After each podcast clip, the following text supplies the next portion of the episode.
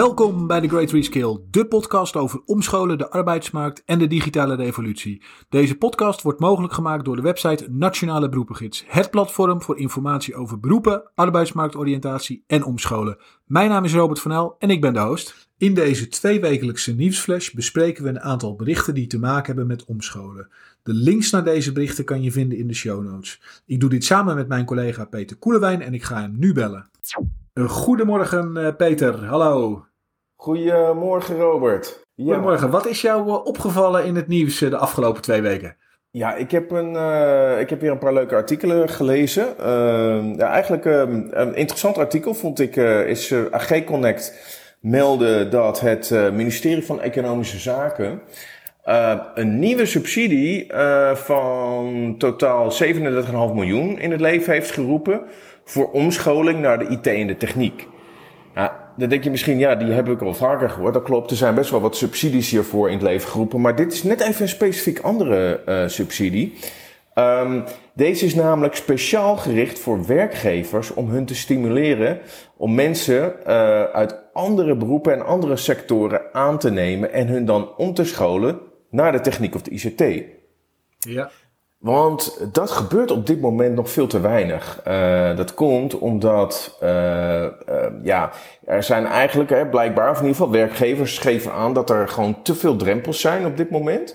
En ja. een van de drempels is dat, ja, er is gewoon een hoge begininvestering. Hè? Ik bedoel, op het moment als je iemand moet aannemen en omscholen, hè, je moet uh, daarin investeren. Uh, het neemt ook een risico met zich mee. Hè? Misschien uh, ja. is, is, ja, is iemand uiteindelijk, hè, na twee maanden kom je erachter, hè, iemand wordt opgeleid tot developer. En na twee maanden komt hij erachter, ja, nou ja, dit is het toch niet. Dus ja, deze subsidie is in het leven geroepen om die risico's te verlagen. En ja, ik, ik ben benieuwd hoe dat, wat het effect hiervan gaat zijn. Ja, ja, ik las ook hè, dat uh, 3750 euro per werknemer beschikbaar is hè, voor omscholing. Dat je, en dat je als werkgever maximaal zes uh, omschooltrajecten kan doen. Hè. Dus er zit wel een bepaalde limiet op, wat ook logisch is overigens. Mm -hmm. Maar in totaal zijn er dan dus ruim 9000 omschooltrajecten mogelijk met, met het bedrag wat beschikbaar is gesteld. Dus dat, uh, ja. ja, interessant om te zien dat de focus echt op de werkgevers is hè, in dit voorbeeld. Ja. Ja, precies, precies. Ik begrijp het ook wel, want kijk, Um, ja, weet je, het klinkt natuurlijk heel leuk. Hè? De kans ook dat je een goede uh, werknemer vindt uh, hè, die zich laat omscholen en die zich helemaal in zijn sas uh, voelt, is, is natuurlijk groot. En daar doe je het ook voor. maar ja, het risico is wel groot. En dit, dit, dit moet dat risico ja, ja. verkleinen. Nou, prima, prima initiatief. Uh, ik kwam op de website Immerse een bericht tegen uh, met als titel Make IT Work leidt IT'ers op voor Koninklijke Landmacht. Uh -huh. uh, Make IT Work is een initiatief van de Hogeschool Amsterdam. Hè. Dat is een partij die zich bezighoudt, zoals het woord al zegt, hè, omscholing naar de IT. Ze zijn een exclusieve samenwerking aangegaan met Koninklijke Landmacht. Hè. Natuurlijk een hele grote werkgever in Nederland, hè, met eigenlijk doorlopend vacatures, ook op IT-gebied. Dus de samenwerking die bestond al, maar die is nu bekrachtigd, bekrachtigd middels, middels deze samenwerking. En uh, de, de bedoeling is dus dat mensen kunnen zich in vijf maanden naar een IT-functie omscholen. En ze moeten dan daarna minimaal zes maanden bij Koninklijke Landmacht in dienst blijven. En uh, ja, nou ja, goed. Ik denk, dat dat, ik denk dat we dit soort dingen steeds vaker gaan zien. Dus eigenlijk een exclusieve samenwerking tussen een opleider en een bedrijf.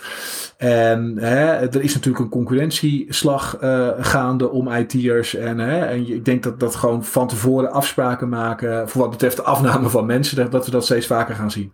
Ja, ja, ja, ja, ja. interessante ontwikkeling. En ja, ik bedoel, de defensie is wat dat betreft ja, die doet dat natuurlijk al vaker, dit soort opleidingstrajecten. Ja, dit is net weer even wat anders. En ja, een ja. half jaar, ik bedoel, jezelf voor een half jaar committeren vind ik redelijk redelijk, redelijk laag eigenlijk. Vind ik een lage druk. Ja, het is vaak ook langer. Hè. Een jaar is, is zeker niet vreemd. Hè. Er wordt natuurlijk flink in je geïnvesteerd. Hè. Dus, dus het moet ook voor de, voor de werkgever uiteraard interessant blijven. Dus op zich vind ik dit uh, geen rare periode of zo. Absoluut niet zelfs. Nee, nee, nee, nee mooi. Ik ben, uh, ben benieuwd. ben benieuwd. We gaan het zien. Ja, ja, ja. ja, ja. ja. ja. Uh, ja, ander, een ander artikel. Uh, uh, even kijken, het AD publiceerde een artikel hè, over horeca-medewerkers uh, ja, die vanwege corona uh, ja, definitief zijn overgestapt naar een andere sector.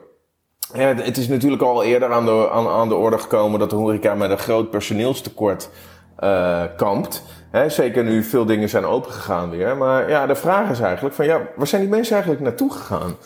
En wat, wat eigenlijk opvalt, heel interessant, is dat veel uh, um, oud-horeca-werknemers die zich succesvol hebben omgeschoold, uh, ja, die, vullen zich, uh, die voelen zich toch erg erg ja, gelukkig in, in, in sociale of, of ja, eigenlijk zeg maar zorg of maatschappelijke beroepen.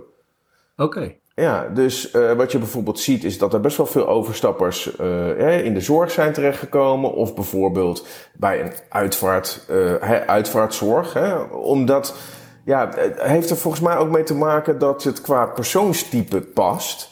Hè, bedoel, ja. in de horeca zijn mensen, hè, die zijn, hoe moet ik zeggen, ja, hè, sociaal, hè, tot aan sensitief en empathisch. Ja, en dat zijn eigenlijk eigenschappen die je juist ook in de zorg hè, of in maatschappelijke beroepen ook terugziet. Ja. En uh, ja, uh, toch wel een groot aantal mensen die, uh, die echt aangeven: joh, ik heb, ik heb eigenlijk mijn, mijn, mijn, ja, nog net niet mijn, roep, ja, mijn roeping eigenlijk gevonden. Ja, ja. ja. dus vorig jaar noodgedwongen omgeschoold. Hè? En dat is, dat is in die zin een succes dat mensen op hun plek zijn in hun nieuwe baan, wat natuurlijk heel positief is. -hmm. De horeca is natuurlijk wel, hè, dat zit wel in de hoek waar de klappen vallen. Hè? Met natuurlijk, ja. er was al een tekort in 2019. Nou, vorig jaar vanwege de sluitingen hè, zijn veel mensen uitgestroomd. Nu is alles weer open en uh, er zijn veel mensen uitgestroomd. Er was al een tekort, hè, dus eigenlijk klap op klap. -hmm. Ja, en het is echt een crime, uh, wat ik begrepen heb, uh, voor de horeca om ook echt die vacatures in te vullen. Dus dat is echt, ja, dat is een hele lastige periode. Het is wel een sector die onder vuur ligt.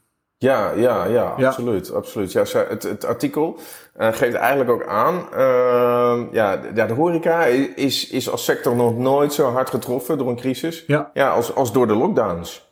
Ja, ja, dus precies. Is, uh, een andere sector die, die onder vuur ligt zijn de boeren. Hè? Dat is natuurlijk al, die zijn vaak in het nieuws geweest de afgelopen jaren. Er stond een artikel in de Limburger met als titel... Minder koeien en varkens kan tienduizenden banen kosten. Ja. Er zijn natuurlijk, los van de boeren zelf... zijn er natuurlijk heel veel mensen ook hè, die werkzaam zijn in de agrarische sector.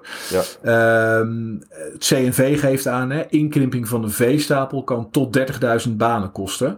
Uh, en het, je ziet vaak dat het natuurlijk in regio's zich afspeelt die dun bevolkt zijn. Hè, waar verhuizen voor mensen vaak ook geen optie is. En waar ook weinig andere banen te vinden zijn. Ja. Uh, dus dat maakt het lastig. Hè. Ze zijn, CNV pleit eigenlijk voor een transitiefonds. Hè, om te voorkomen dat er hoge werkloosheid uh, gaat ontstaan.